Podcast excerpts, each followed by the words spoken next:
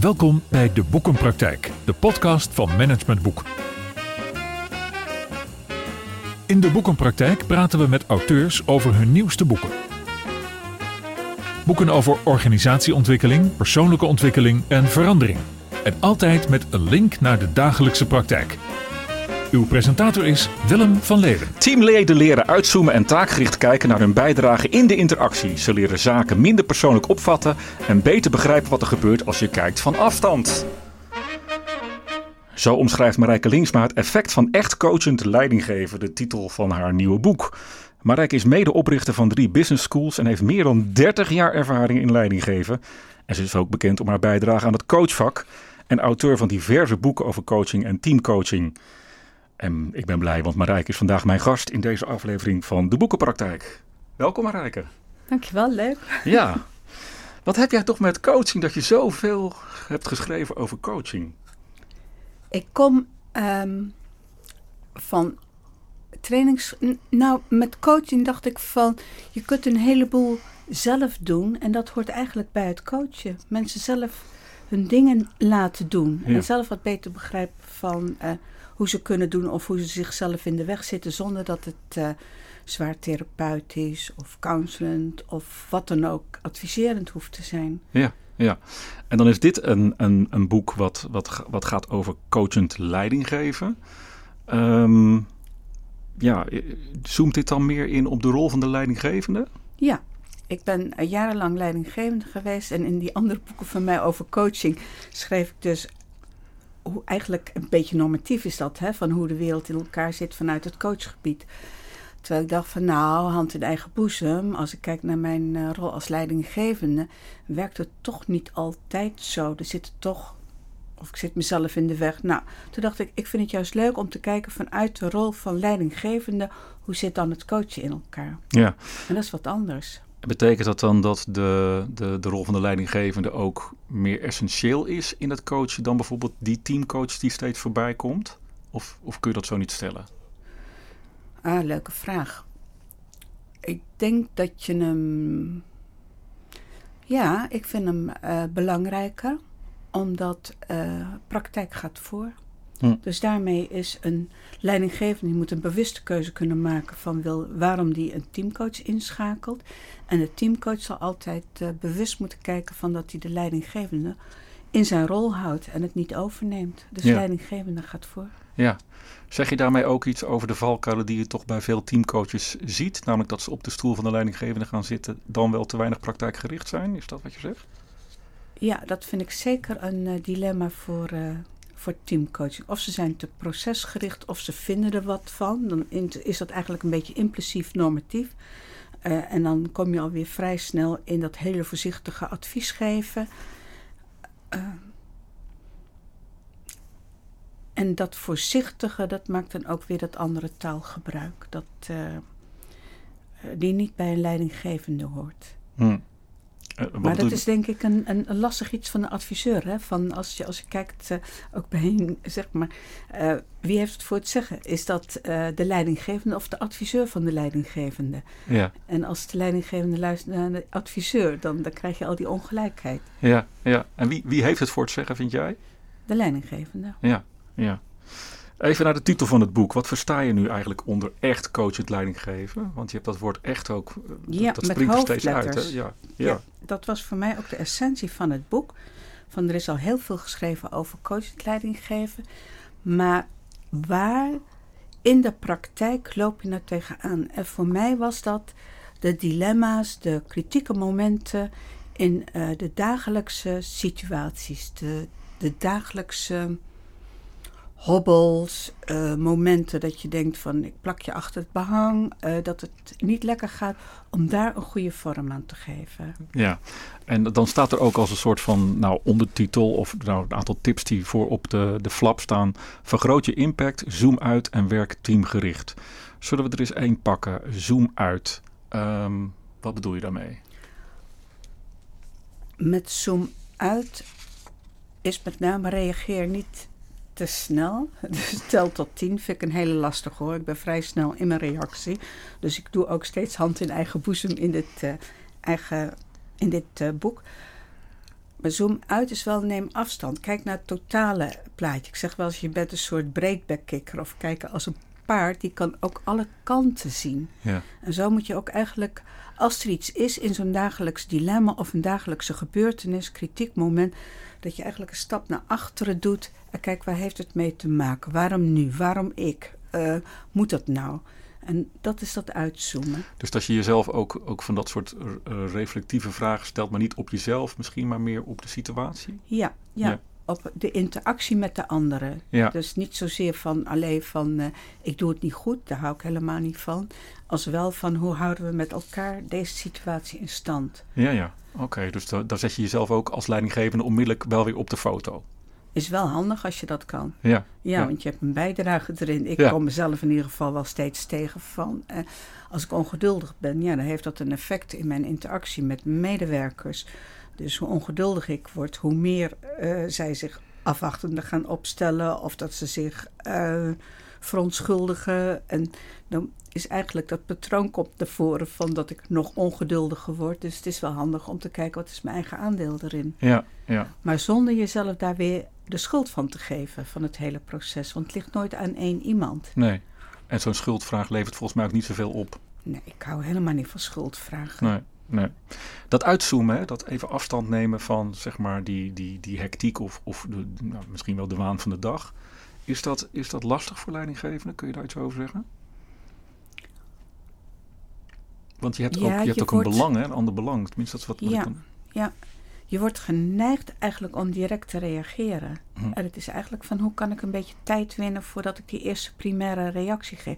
Die eerste primaire reactie kan ook nou ja, emotioneel zijn. Als iemand eh, eh, iets tegen mij zegt wat mij niet zint, dan kan ik vrij snel de neiging hebben om een tik terug te geven. Terug in je hok jij. Ja, Zo ga je niet met me om. En dat is niet zo handig. Dus in het uitzoomen kan ik ook wat meer naar mijn eigen reactie kijken. aha. Dus je gaat wat minder op je, op je, op je functietitel staan. Zo van, ik ben wel de leidinggevende en dus plat gezegd de baas. Dat, dat, dat speelt helemaal niet mee.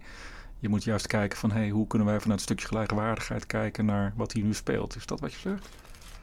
Ja, afhankelijk van de situatie. Want ik ken ook gewoon situaties waarvan ik denk van gewoon op je streep staan. Mhm. En het gaat wel op deze manier. Waar En denk je dan bijvoorbeeld aan? ehm, nou, naar een situatie waarvan je denkt, een valse hond aai je niet. Ah ja, ja, ja. Dat als iemand over grenzen gaat, ehm, Dat je duidelijk begrenst. En dan begrens je. Ja. ja, en dat kan zijn omdat iemand een humeur heeft. Of het kan zijn dat iemand vindt dat hij het op een bepaalde manier wil doen. Dat hij het altijd zo heeft gedaan. Of wat dan ook. Maar Mhm. dan komt bij mij het, eh, het, het idee zo, dat wolkje omhoog van een eh, valse hond aai je niet. En dan is het terug in je hok. En dan Ja. begrens ik. Ja, helder. Klopt het nou dat jij niet zo'n voorstander bent van individueel coachen van personen in organisaties? Ja, Willem. Wauw. Daar ben ik natuurlijk wel mee begonnen. Maar daarvan dacht ik, je moet als leidinggevende of als coach moet je je eigenlijk verspreid opstellen. Want kun je je voorstellen, ik heb, eh, of, dan moet je, heb je een team van tien leden. En als je dat individueel gaat aanpakken, heb je met die te doen, die met, doen, met die te doen. En dan heb je tig geheimen van die mensen Mhm.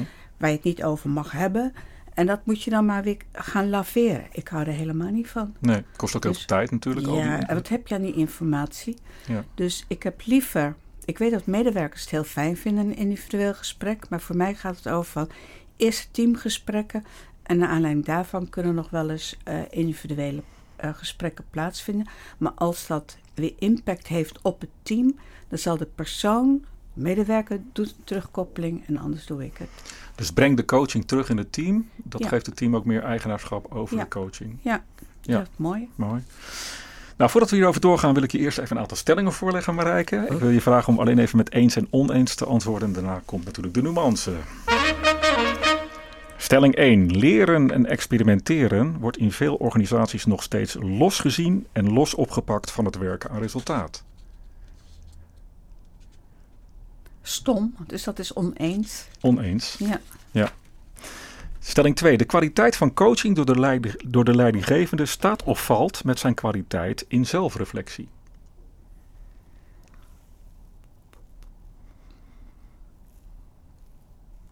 Denk eens hardop. Ja. Ehm, het is anders, waar mijn twijfel in zit. Het is een andere uh, zelfreflectie die die toepast dan veel coaches het zien. Je hoeft niet zo diep in jezelf te graven om wel te kunnen coachen. En daar zit mijn twijfel in. Oh ja. Dus de neiging om te zeggen, nou oneens. Maar je bent wel heel erg ehm, tussen haakjes stom bezig als leidinggevende. Als je niet kijkt naar je eigen bijdrage. Ja, dat is waar Dus we het hij net over hadden. praktischer. En Ja. in die zin ben ik het wel eens. Ja. Als je je eigen bijdrage uitsluit, geef je alle macht aan een ander. Dat vind ik niet zo handig. Nee, nee. Stelling 3. Zelfsturende teams is een illusie. Er is altijd aansturing nodig door een leidinggevende. Jongen, jongen, jongen. Ehm, hangt af van wat, eh, eh, wat voor Marijke, eens of oneens? Potjan, sorry.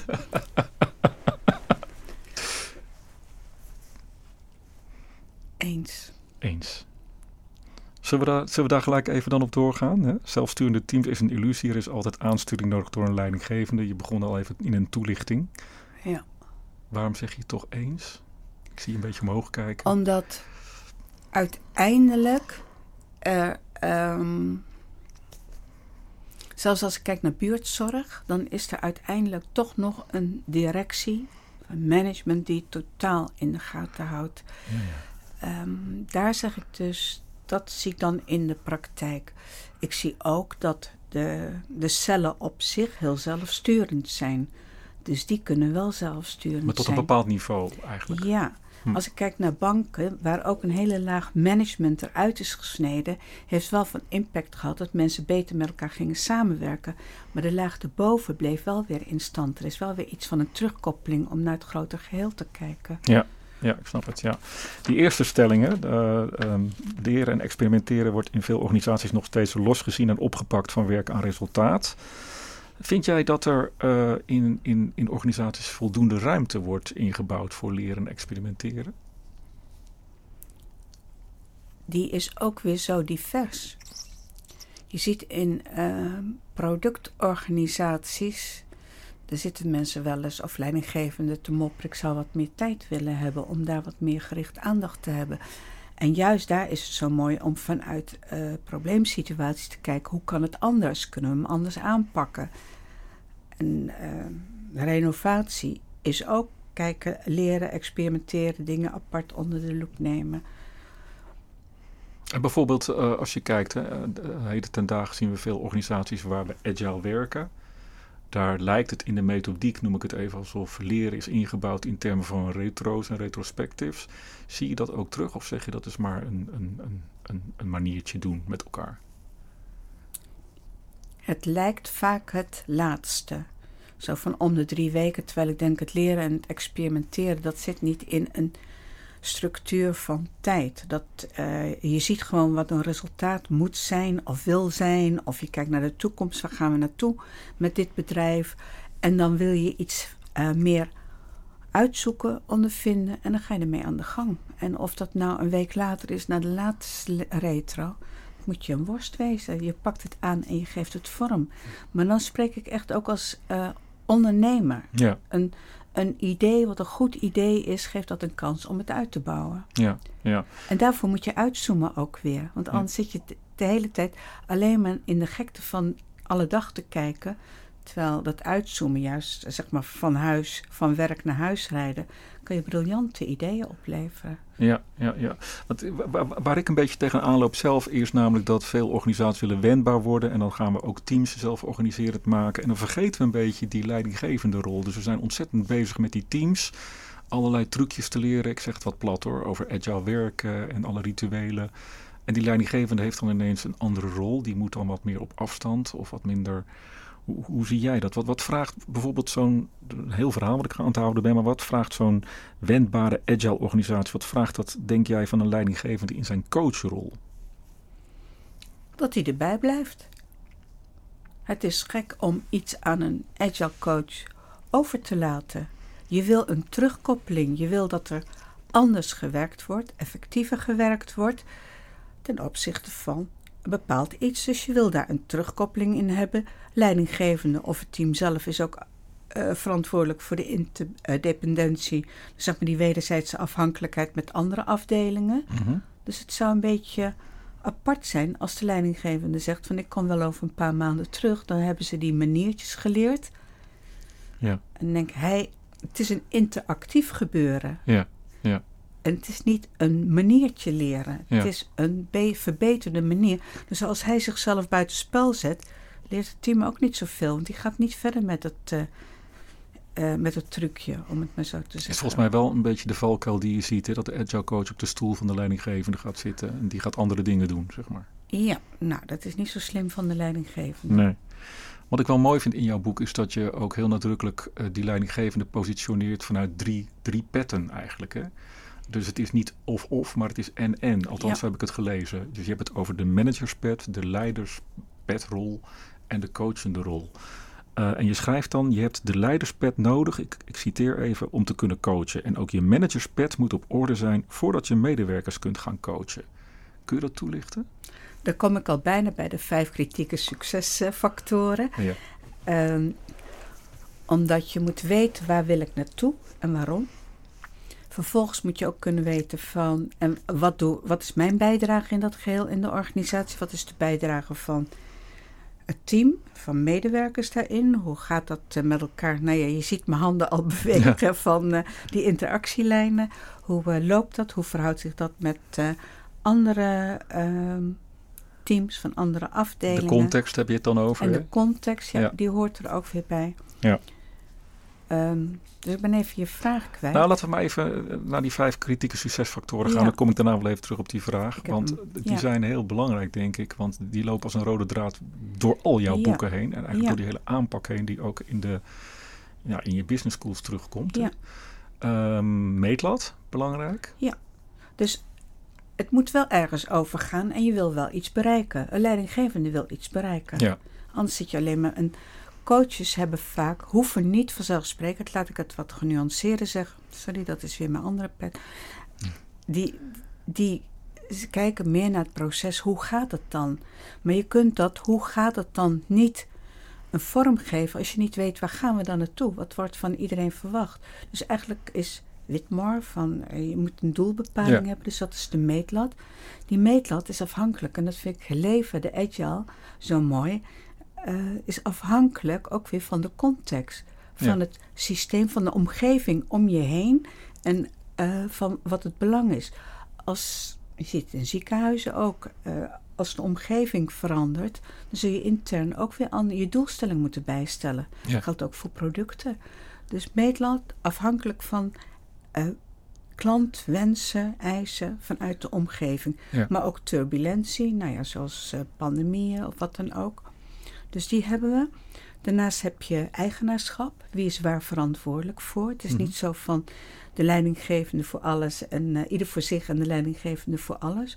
Dus je zult die rollen intern goed moeten bespreken. Ook wat is dan voor de leidinggevende? Ja, ja, ja. en die, die, die- dat eigenaarschap kun je eigenlijk pas definiëren als je die meetlat natuurlijk Ja. daar hebt. Anders ja, blijft het heel je, impliciet. Wat vind ik leuk? Ja, precies. Ja. Ja. Ja, Volgens mij heb je niet een leuke relatie met elkaar als leidinggevende met je medewerkers.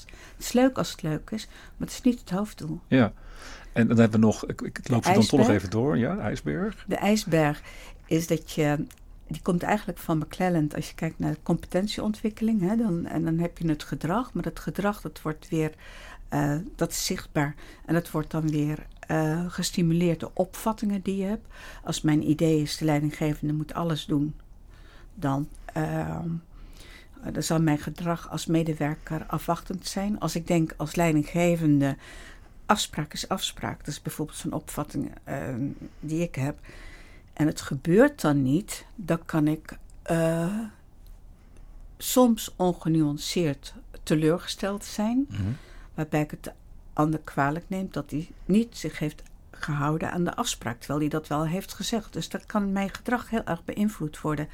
En daaronder heb je dan de drives, je, eh, je, je motivatie. ja, ja. Zoals bij, voor macht. Ik vind het leuk als mijn idee door anderen ook vormgegeven wordt. Dat is toch een vorm van macht.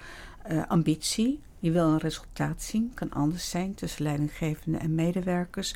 Of de relatiegevoeligheid. Nou, Dus je moet de ijsberg van het team in kaart hebben, maar Ja. je moet ook je eigen ijsberg als leidinggevende goed Ja. weten. Om te voorkomen dat je misschien wel te veel vanuit je eigen normen aan het coachen bent. Ja. Is dat wat je zegt? ja, Ja.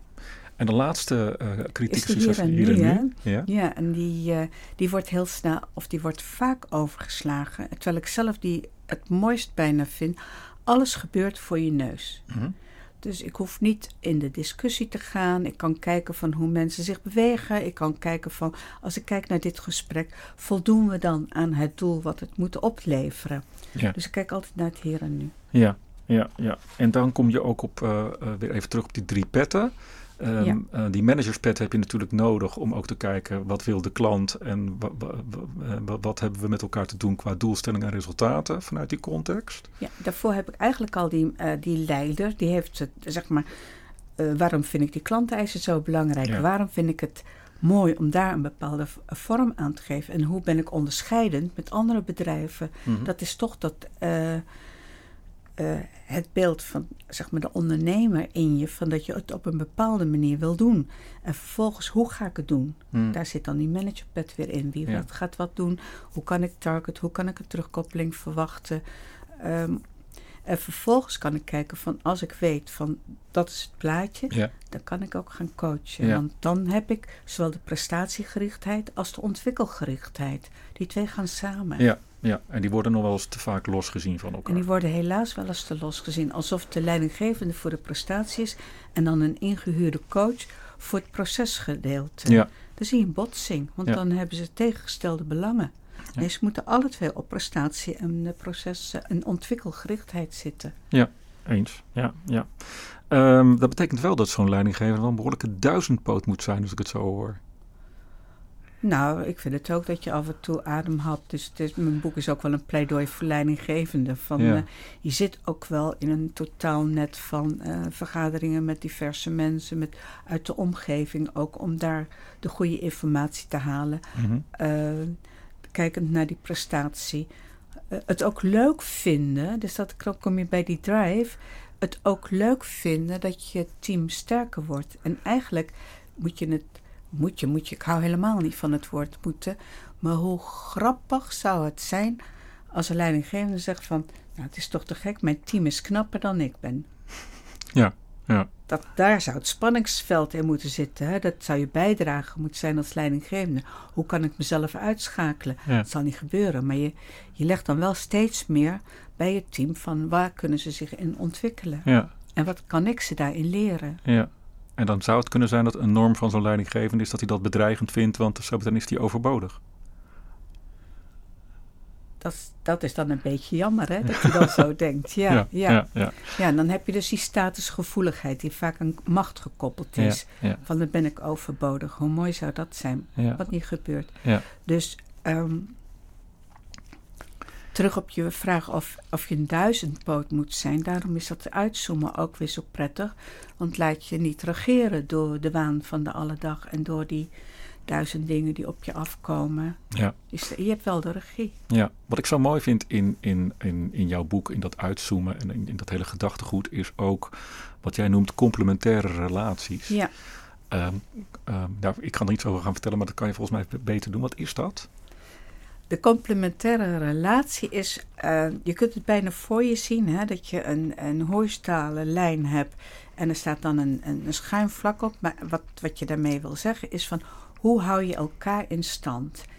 En uh, uh, bijvoorbeeld, en dan is de vraag, hoe meer ik actiever ben als leidinggevende, bijvoorbeeld als voorbeeld, hoe passiever ik het team maak. Hoe passiever het team is, hoe actiever ik als leidinggevende word. Dus dan zie je dat je elkaar versterkt in een patroon, in een visuele cirkel eigenlijk, waar je niet wil zijn. Ja. Dus het is altijd handig van zit ik, wat is mijn bijdrage en ben ik bezig met een complementaire relatie te maken.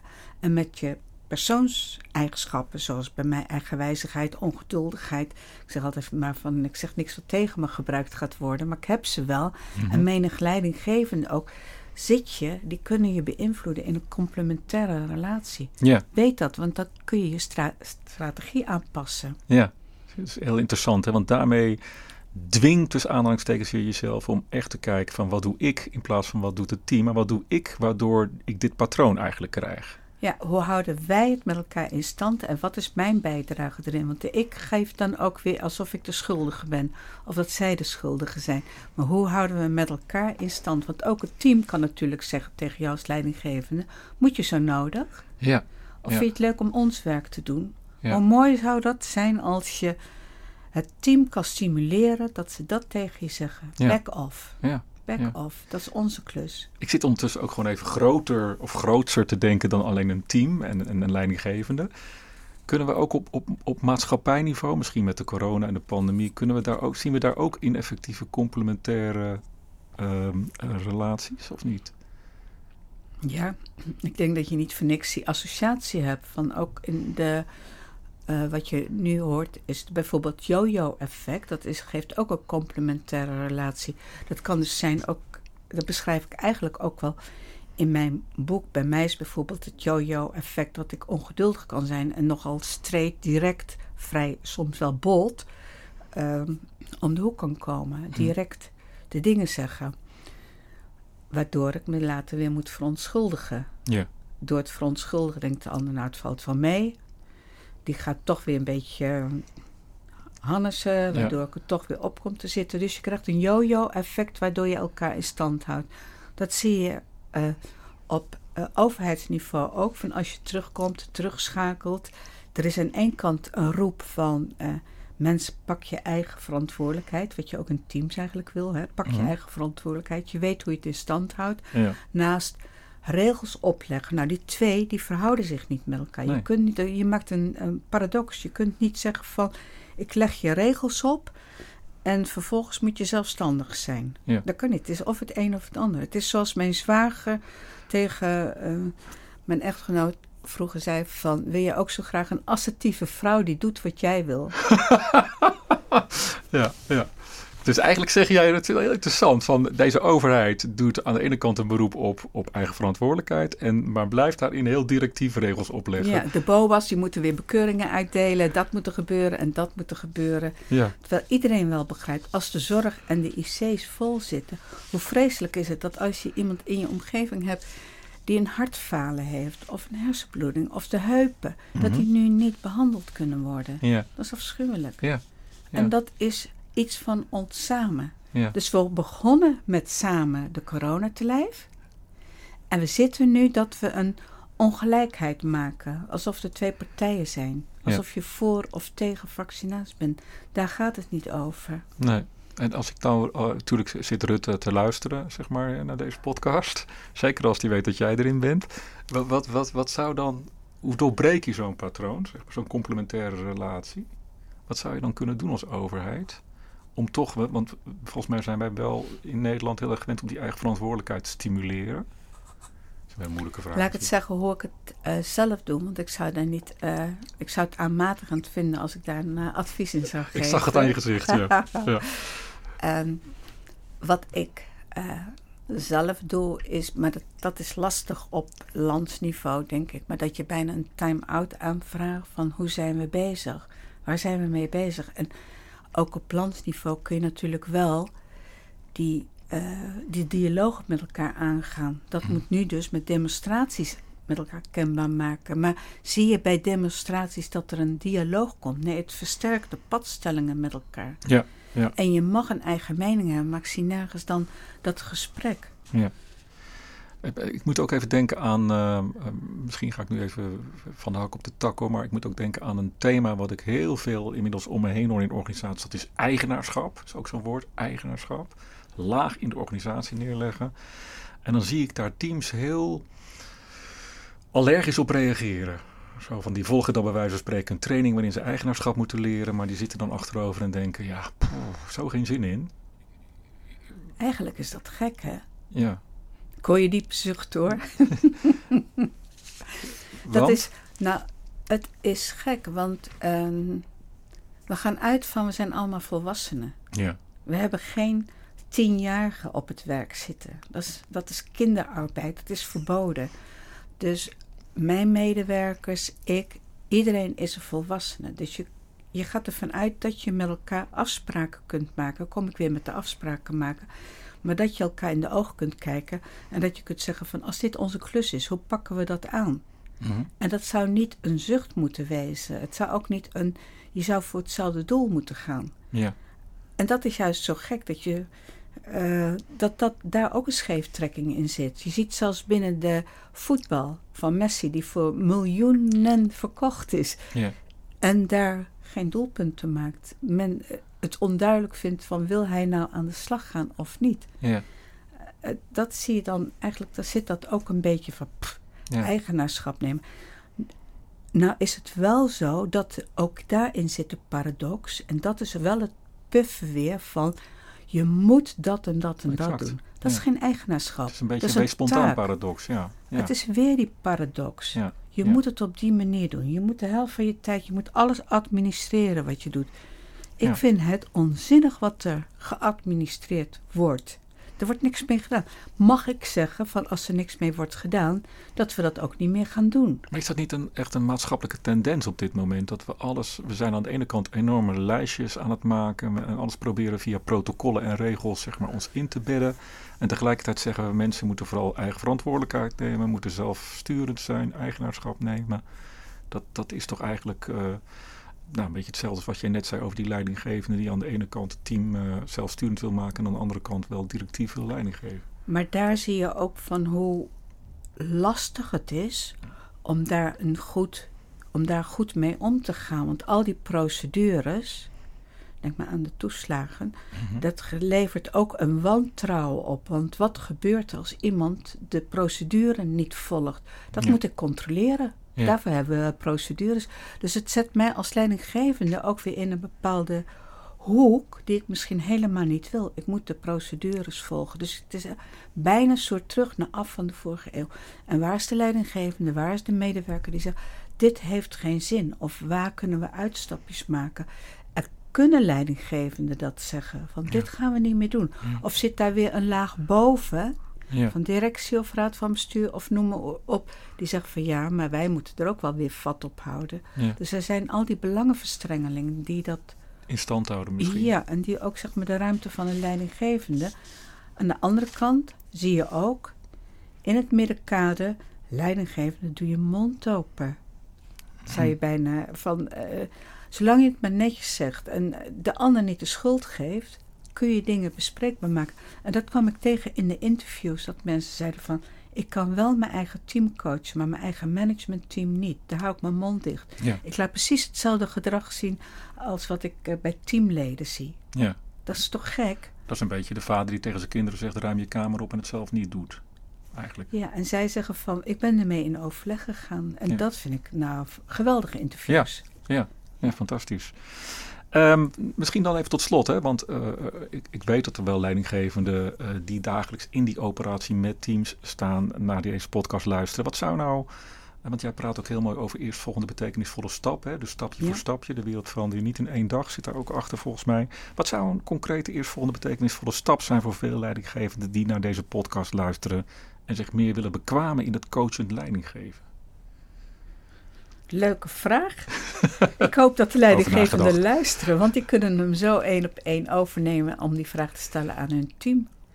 Dus ik heb wel altijd het idee van, eh, zoals de Grieken zeggen, sika sika. Kijk eerst even om je heen. Wat valt je op? Maar ga niet ervan uit dat dat de enige werkelijkheid is. Want je zit te kijken vanuit die complementaire relatie. Mhm. Je beeld is dus wat verkleurd, om het maar zo te zeggen. Maar laat, laat het, en dat kan gewoon ook een opdracht zijn van, naar de teamleden: van ga eens kijken, van zijn we tevreden met de situatie? En als we kijken wat we willen bereiken, zullen we de volgende keer eens praten van: houden we het zo? Wat zouden we anders kunnen? Waar zouden we mee kunnen? eh, extra aandacht voor renovatie voor de komende periode? Eigenlijk ben je dan zeg maar een, een, een, een, coachend, een stijl van coachend leidinggeven, noem ik het maar even, met elkaar aan het ontwerpen en inkleuren. Is dat wat je zegt? Ja, en die is uiteindelijk het meest makkelijke, maar je, want je gaat nat.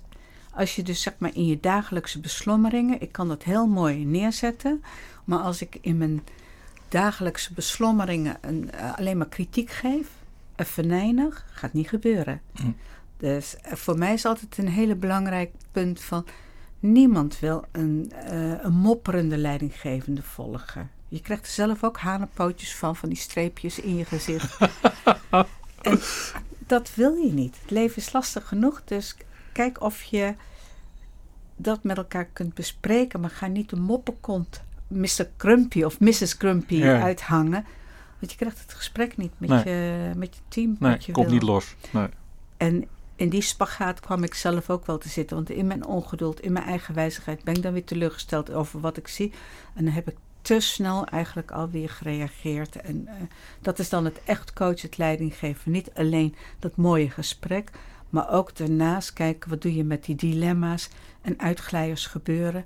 Maar wat kun je doen en kun je daar ook van leren? Ja. Want als ik iedere keer zeg, sorry, was niet de bedoeling, dan zegt ook iedereen ja hoor. Ja. Die excuses, eh, Ja. ik geloof het wel. Ik vind het zo mooi dat je ook steeds jezelf even op de kaart zet. Dat doe je ook heel nadrukkelijk in het boek. We hadden het ook even voordat we de opname van deze podcast starten over, eh, nou ja, even zeg maar, jouw oeuvre eh, van boeken. En je zei tegen mij, ja, eigenlijk was ik, eh, had ik het idee dat ik klaar was met schrijven. Maar toen kwam corona eraan, ben ik gaan bloggen en uiteindelijk kwam dit boek er weer aan. Wat is het volgende boek, Marijke? Nou, ik heb het idee dat ik op dit moment geen behoefte heb aan een boek te schrijven. Deze was echt, zeg maar, ik had al gedacht van ik heb mijn legacy heb ik wel gedaan. Ja. En hier dacht ik van ben ik tevreden over de legacy? Nee, dat klopt niet. Als ik kijk vanuit mijn positie als leidinggevende, vond ik gewoon een aantal zaken lastig. En die werkten niet op de manier door. En ik kreeg ook jeuk als leidinggevende om een aantal dingen die dan coaches kunnen zeggen of die je dan op je bordje krijgt van zo moet het gedaan worden. Ja. En toen dacht ik, ik ga vanuit die optiek schrijven. Ik heb het boek ook met plezier geschreven. Het was vreselijk leuk. Leuke interviews gehouden. Leuk om te kijken van ook hoe anderen nat gaan en hoe je ermee omgaat. Dus of er een ander zo'n leuk boek komt, ik weet het niet. Ik wil in ieder geval bedanken voor, eh, voor, voor dit boek. Eh, want ik vind dat je coachen en coachend leidinggeven in dit geval ook heel erg zeg maar, uit de wereld haalt van, van psychologi- psychologiseren en, Ja. en zweven. eh, maar heel erg to the point in relatie tot, tot, tot waar je als organisatie en als klant voor staat, volgens mij. Dank je wel daarvoor. Graag gedaan. Het was voor met plezier gesprek. geschreven. Ja. Het gesprek ook. Dank je wel. Ik heb graag genoten van, eh, van, van dit boek. Ehm, ja, ik verwijs jou als luisteraar van deze podcast heel graag naar de volgende aflevering van, eh, van eh, onze boekenpraktijk. Die eh, verschijnt over twee weken weer op alle grote podcastkanalen. Ook daarin spreken we weer met een auteur over zijn of haar opmerkelijk recent verschenen managementboek. En zullen we de strekking van het boek plotten op een actuele casus uit de praktijk. Rest mij je hartelijk te bedanken voor het luisteren van deze podcast. Heb je vragen, opmerkingen of suggesties? Altijd welkom. Mail het dan SVP naar info.managementboek.nl Tot zover de praktijk van boeken. Kijk voor meer afleveringen of een abonnement op de boekenpraktijk op managementboek.nl/slash podcast. Je vindt ons ook op Spotify, Apple Podcast, Google Podcast en Soundcloud. Hartelijk dank voor het luisteren en graag tot de volgende podcast.